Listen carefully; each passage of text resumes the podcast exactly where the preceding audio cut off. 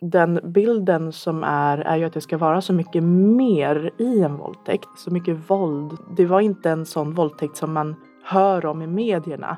Alltså, jag höll på att börja gråta. Jag visste inte om jag skulle bli glad eller ledsen. Jag blev mest chockad. Jag blev mest eh, förvånad. För jag trodde inte att någonting sånt här litet skulle gå till rättegång. För det var ju bara en stöt. Hej och välkommen till Idéburen välfärd. Idag ska vi prata om chocken över att bli betrodd. Att en sanning även fastställs av lagen och om modet som kom genom rättsprocessen. Idag ska Jenny berätta om vad hon har utsatts för och ger en annan bild av vad som är en våldtäkt och om en lyckad rättsprocess som vi sällan får höra om eller läsa om i media. Jag heter John Ekdahl och är kommunikatör på Skyddsvärnet vars podd du nu lyssnar på. Glöm inte att följa podden om du lyssnar på appar som Spotify och Podcaster och lämna gärna några stjärnor och betyg. Och det här är del ett av två. Om två veckor så kommer andra delen och den handlar mer om vad som händer efter domen och vad det faktiskt har givit Jenny att gå igenom den här processen. Men eh, nu till veckans gäst som är Jenny Stålarm.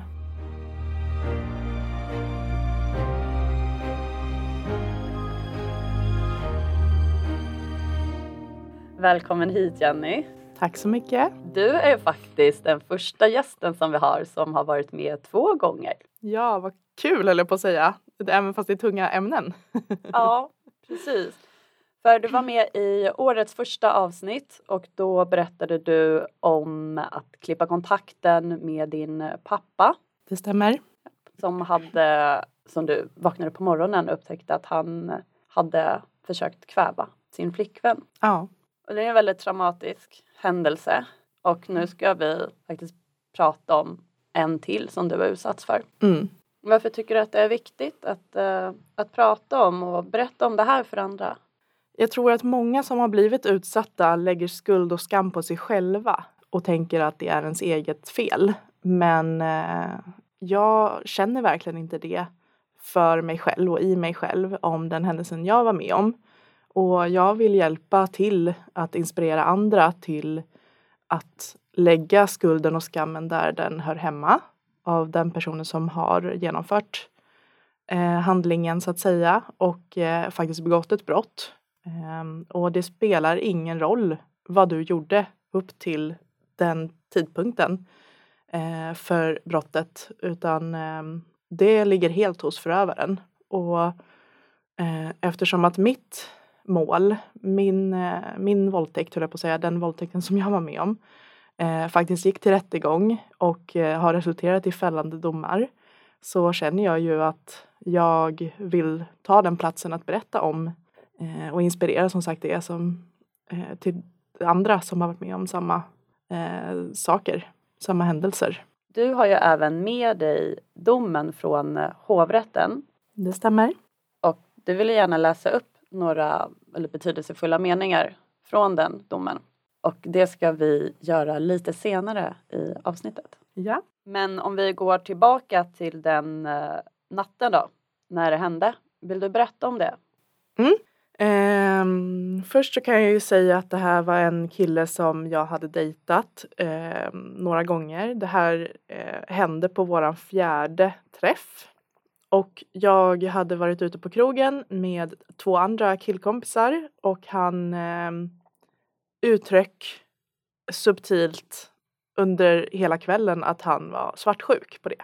Hur gjorde han det? Han hörde av sig väldigt mycket till mig under kvällen, både ringde och smsade och sa liksom att nu vill jag träffa dig. För vi, vi hade inte bestämt att vi skulle träffas den kvällen. så han var verkligen så här, nu när du är ute med dina kompisar, nu vill jag träffa dig. Och jag var mer att, nej men nu är jag här i stan med mina killkompisar. Du får jättegärna komma hit och umgås med oss om du vill. Eh, men jag kommer inte åka härifrån och lämna mina kompisar nu när jag ändå är här ute. Men han insisterade på att, nej men jag vill verkligen träffa dig för vi har inte träffats på ett tag för jag hade varit borta på semester. Eh, så han sa att han skulle möta upp mig hemma eh, efter eh, när jag kom hem.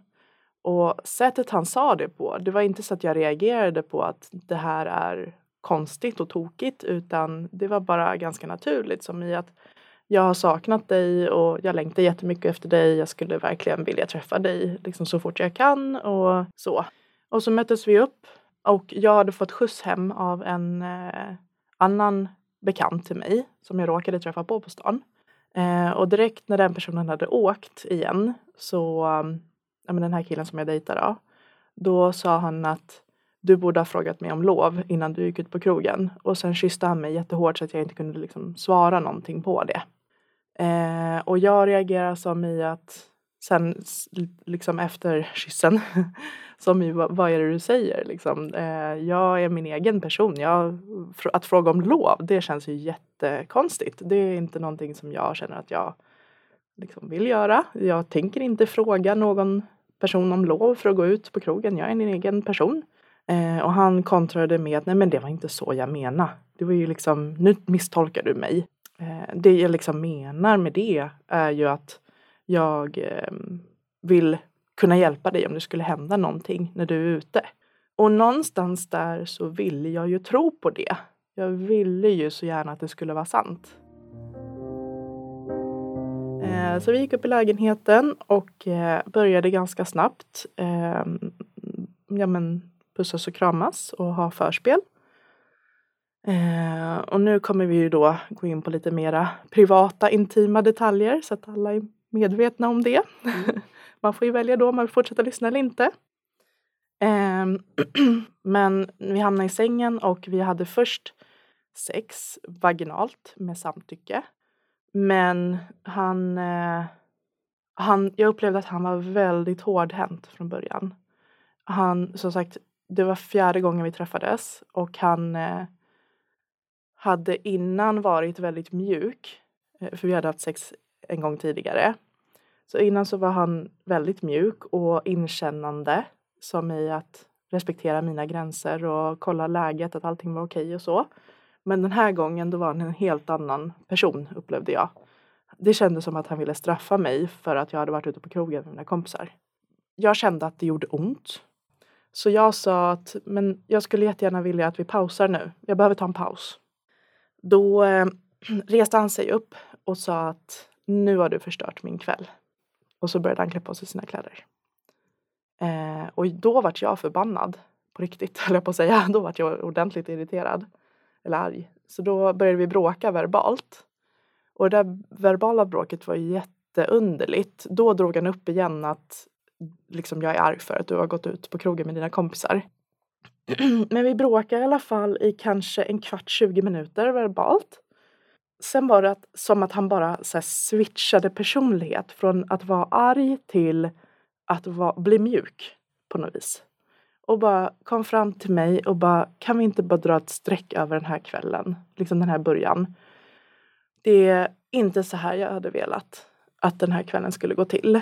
Eh, vi har ju varit ifrån varandra ett tag nu för jag hade varit på semester och vi har längtat efter varandra. Jag har verkligen saknat dig. Kan vi bara börja om? Liksom. Och jag sa okej, okay, fine, eh, vi gör det. Eh, för jag hade saknat honom också. Jag var jättebesviken över hur kvällen var. Jag ville liksom försöka rädda den, höll på att säga. Eh, liksom, att det skulle bli bra ändå.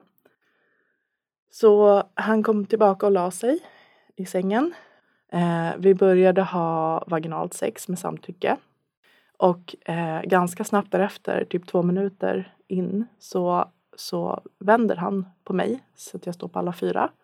Eh, och han eh, tar fram en glidmedelsflaska eh, utan att eh, ja, jag vet inte riktigt hur jag ska säga Eh, för allting gick ju så jävla snabbt. Det var ju allt i ett. Tankar och händelser och känslor och allting kom på en och samma gång. Eh, han eh, tog tag i mina höfter och penetrerade mig analt. Och i den millisekunden, precis innan, liksom en halv sekund innan, så fattade jag vad han höll på att göra. Eh, för i min värld så var det helt uteslutet att vi skulle ha analsex där och då. Eh, så att jag reagerade dels med panik, att jag fick panikkänslor. Eh, jag reagerade som i att eh, jag måste Alltså jag kommer ihåg att jag tänkte att jag måste säga nej. Jag måste säga nej så att han förstår att jag inte vill. Och att det, om det här mot förmodan går till någon rättegång eller någonting så ska det vara glasklart att jag har gjort motstånd. Att jag har uttryckt ett nej. Att jag, han ska fatta att jag inte ville. Det var liksom min första tanke. Min andra tanke var att om inte han slutar nu, då måste jag börja vara beredd på att slå mig loss. Det var liksom de två tankarna. Och sen så kom den där stöten, liksom i nästa millisekund. Och jag flög framåt av chock. Alltså både av stöten så att säga, för det var hårt. Det, han han liksom hade all kraft han kunde bakom. Eh, av chocken att han gjorde det mot mig. Eh, för jag litade ju någonstans på honom. Jag tänkte att han var en bra kille från början. Det var den här kvällen som sagt. Han började visa de, de konstiga annorlunda sidorna som jag inte hade sett innan de andra gångerna vi hade träffats. Och jag blev liggandes på mage och han eh, la sig bredvid mig en stund med armen över mig. Jag började gråta, för dels för att det gjorde så ont och dels för att eh, jag blev så chockad. Jag blev så ledsen över det han gjorde. Och han såg tydligt att jag grät. Och ändå, så det gick väl någon minut. Sen så satte han sig gränsle över mig igen. Jag låg på mage eh, och han satte sig gränsle över mig eh, och fumlade som i att han försökte eller skulle försöka en gång till. Och då reste jag mig så att han ramlade av mig. Och så gick jag in i badrummet och medan jag reser mig så säger jag att jag, nej, jag vill inte. Så här, jätteklart och tydligt. Som sagt, han, han såg att jag inte mådde bra. Han såg att jag grät och han förstod vad han höll på med. Och eh, som sagt, jag gick in i badrummet.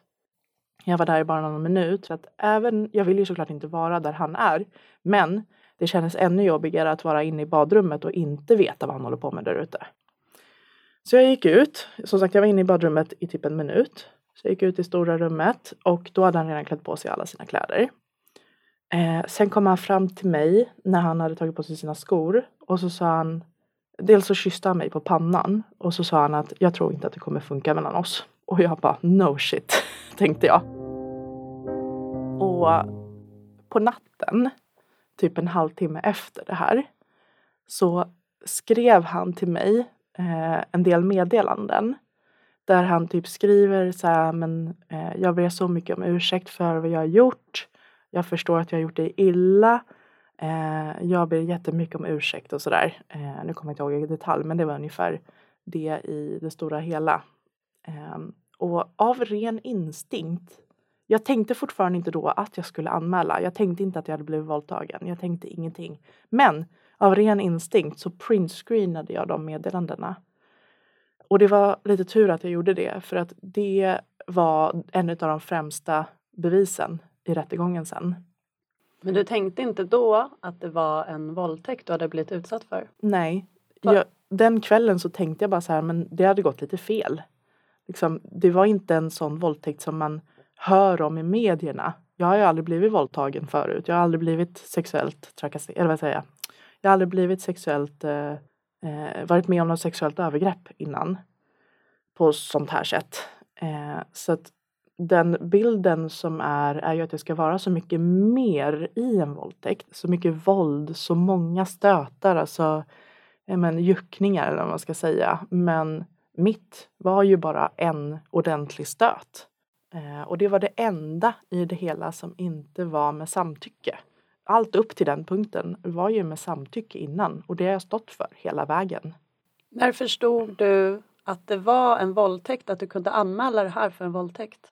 Det tog nästan en vecka. Sen åkte jag till SÖS, Södersjukhuset i Stockholm. Eh, jag hade fått tips om att de har en speciell akutmottagning för personer som har blivit våldtagna. Där fick jag träffa en eh, sjuksköterska. Hon började med att fråga Kommer du vilja polisanmäla det här? Och jag sa Jag vet inte. Jag vet inte om det är en våldtäkt. Jag vet inte om det är tillräckligt seriöst för att det ska tas på allvar liksom både från sjukvårdens sida och från rättsväsendets sida, polis och liksom domstol och så. Och kan inte jag bara få börja berätta min historia för dig, vad som har hänt? Så jag berättade i detalj vad som hade hänt och hon hade ett protokoll som hon gick efter och fyllde i. Men hon var jättelugn och pedagogisk och eh, trygg hela tiden. Kände aldrig faktiskt att jag ville gå därifrån. Eh, och sen när jag har berättat så säger hon allting efter ett nej är en våldtäkt. Jag tycker att du ska göra en polisanmälan. Men du hamnade ju också, för du kunde säga nej och du hann så snabbt tänka att jag måste säga nej högt. Mm. För att det har man ju hört att eh, ja men sa du nej eller inte? Mm. Och du kunde slänga bort honom att du gick in i ett sånt mod att eh, jag måste fighta nu. Mm. Men de allra flesta hamnar ju faktiskt inte i det utan de allra flesta hamnar i ett så här freeze mode. Och det var ärligt talat det jag tänkte om mig själv innan också. Jag blev förvånad över min egen reaktion. Jag trodde att jag skulle hamna i freeze mode. Alltså, jag vet faktiskt inte varför jag trodde det om det, mig. För att det är så vanligt bara. Jag har läst någon undersökning att de, majoriteten hamnar i freeze mode. Mm. Men jag hamnade i fight mode. Och det är jag så jäkla glad över. Mm. Faktiskt. Att jag var beredd på att börja slå mig loss. Ja, kroppen reagerar ju så som den behöver för att skydda sig. Mm. Men jag tänker på just det som också sjuksköterskan sa på SÖS att allt efter ett nej är en våldtäkt. Mm. Men samtycke så ska det också vara att man ska ha sagt ja till det. Exakt. Och i och med att det inte är lika vanligt att en hamnar i fight mode och kan säga nej ordet rätt ut precis som du gjorde.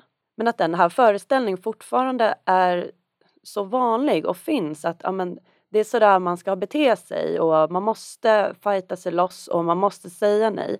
Så jag tycker det är väldigt viktigt att vi lyfter det. Mm. Och om det pratar vi mer om i avsnitt 57 där jag intervjuar föreningen Stora Systers generalsekreterare Cecilia Böttger Pedersen. Vill ni lyssna på det avsnittet så heter det Bilden av sexuellt våld. Men om vi går tillbaka till polisanmälan som du gjorde och sen så får ju du reda på att det här ska gå till tingsrätten. Vad minns du av det? Eh, jag blev tilldelad en eh, advokat som ehm, var helt, helt, helt fantastisk eh, genom hela den här processen. Och det var hon som ringde till mig och sa att det kommer gå till, ehm, till rättegång. Och jag var på väg hem från jobbet då, minns jag. Så jag svarade i telefon eh, ute på gatan. Och alltså jag höll på att börja gråta. Jag visste inte om jag skulle bli glad eller ledsen eller jag blev mest chockad. Jag blev mest eh, förvånad för jag trodde inte att någonting sånt här litet, eller vad man ska säga, skulle gå till rättegång. För det var ju bara en stöt. Men jag kunde inte i min vildaste fantasi föreställa mig att det skulle gå till rättegång. För jag hade inga förhoppningar överhuvudtaget.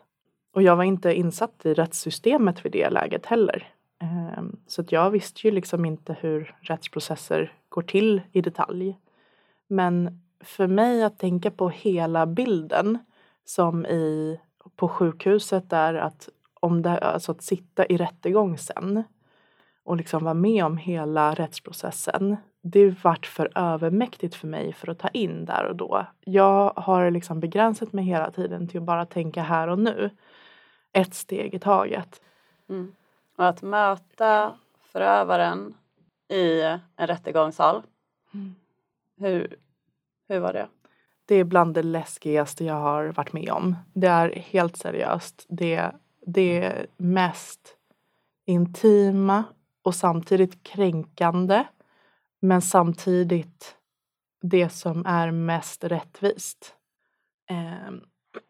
Så det är alla känslor på en och samma gång kan man säga. Men när jag gick in i rättssalen då kände jag mig dels stark som fan för att jag vågade. Och dels så kände jag mig livrädd.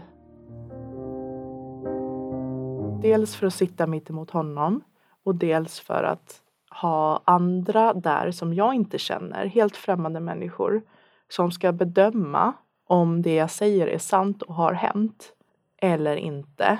Och jag visste inte vad jag skulle få för frågor då. Nu var ju åklagaren och min advokat på min sida men jag hade ju försvarsadvokaten emot mig så att säga.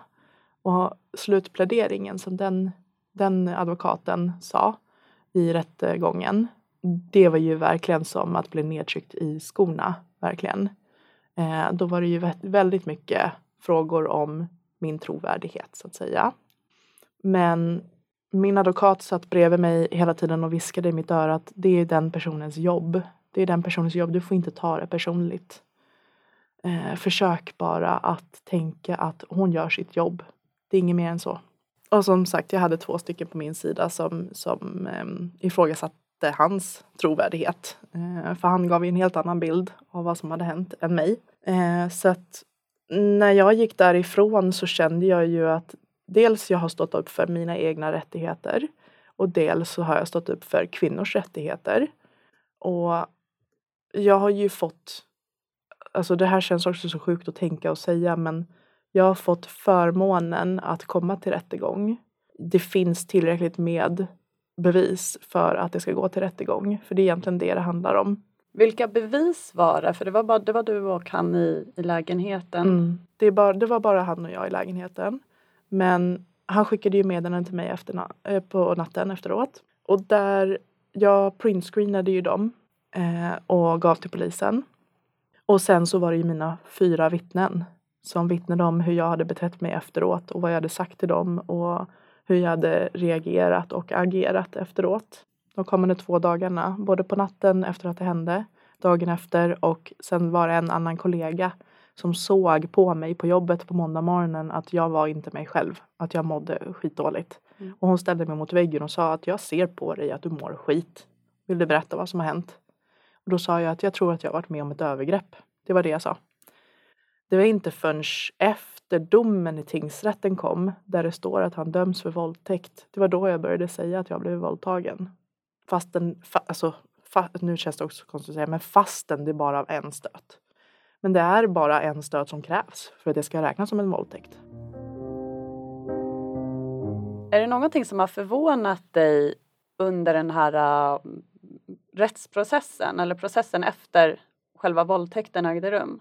Ja, dels så har jag blivit bemött faktiskt väldigt, väldigt, väldigt bra från alla håll och kanter. Både nära och kära och Eh, sjukvården och rättsväsendet. Jag har aldrig känt att jag har blivit ordentligt ifrågasatt. Det är ingen som har frågat vad jag hade på mig för kläder eller om jag var full och hur full. Eller sådana typiska dömande frågor som man kanske annars hade förväntat sig utifrån vad, som, vad man ser i medierna. I medierna ser man ju bara de här mest extrema våldtäktsfallen där det är sjuka eh, outcomes. För att nyheterna vill ju ta upp saker som verkligen väcker känslor och berör. Ja, men så här, belysa orättvisor. Och det är jättebra. Men man, man hör ju inte om de här eh, mindre fallen där det faktiskt har gått vägen. Och det skapar ju en känsla av att det inte, det, det går inte att vinna. Jag har ju träffat på väldigt många kvinnor under den här tiden som får höra om min historia som säger att ja men gud, jag har också varit med om någonting liknande. Jag har också blivit sexuellt utnyttjad eller trakasserad eller eh, varit med om en våldtäkt eller övergrepp. Men jag har inte vågat berätta för någon.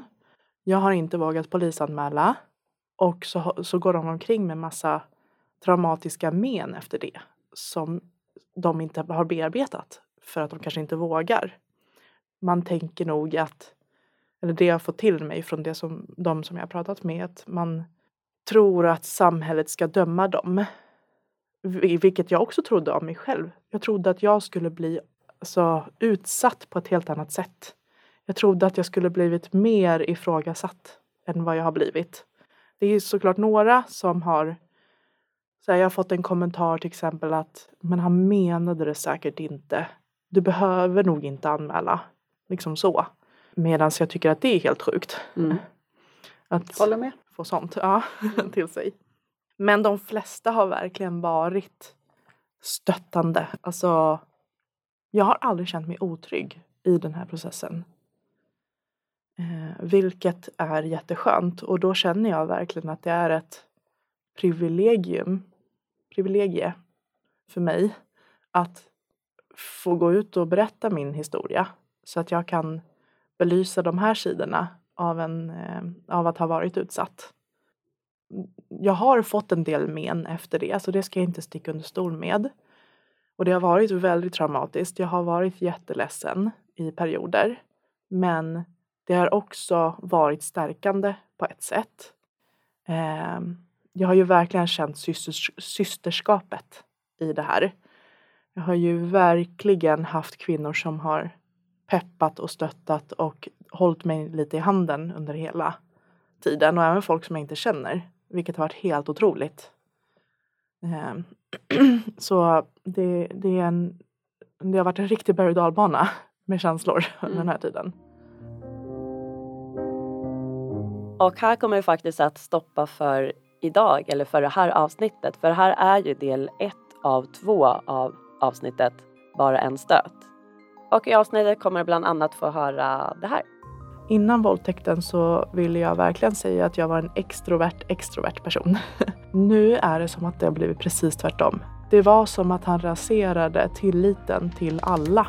Men om våldtäkten inte hade hänt, då hade jag nog aldrig startat företag. Jenny kommer även att spela upp en video som hon gjorde när hon fick eh, hovrättens dom från den dagen. Så missa inte det avsnittet. Följ gärna podden för då får du en påminnelse om att ett nytt avsnitt har kommit ut. Men tack så jättemycket för att du har lyssnat idag och vi hörs om två veckor igen.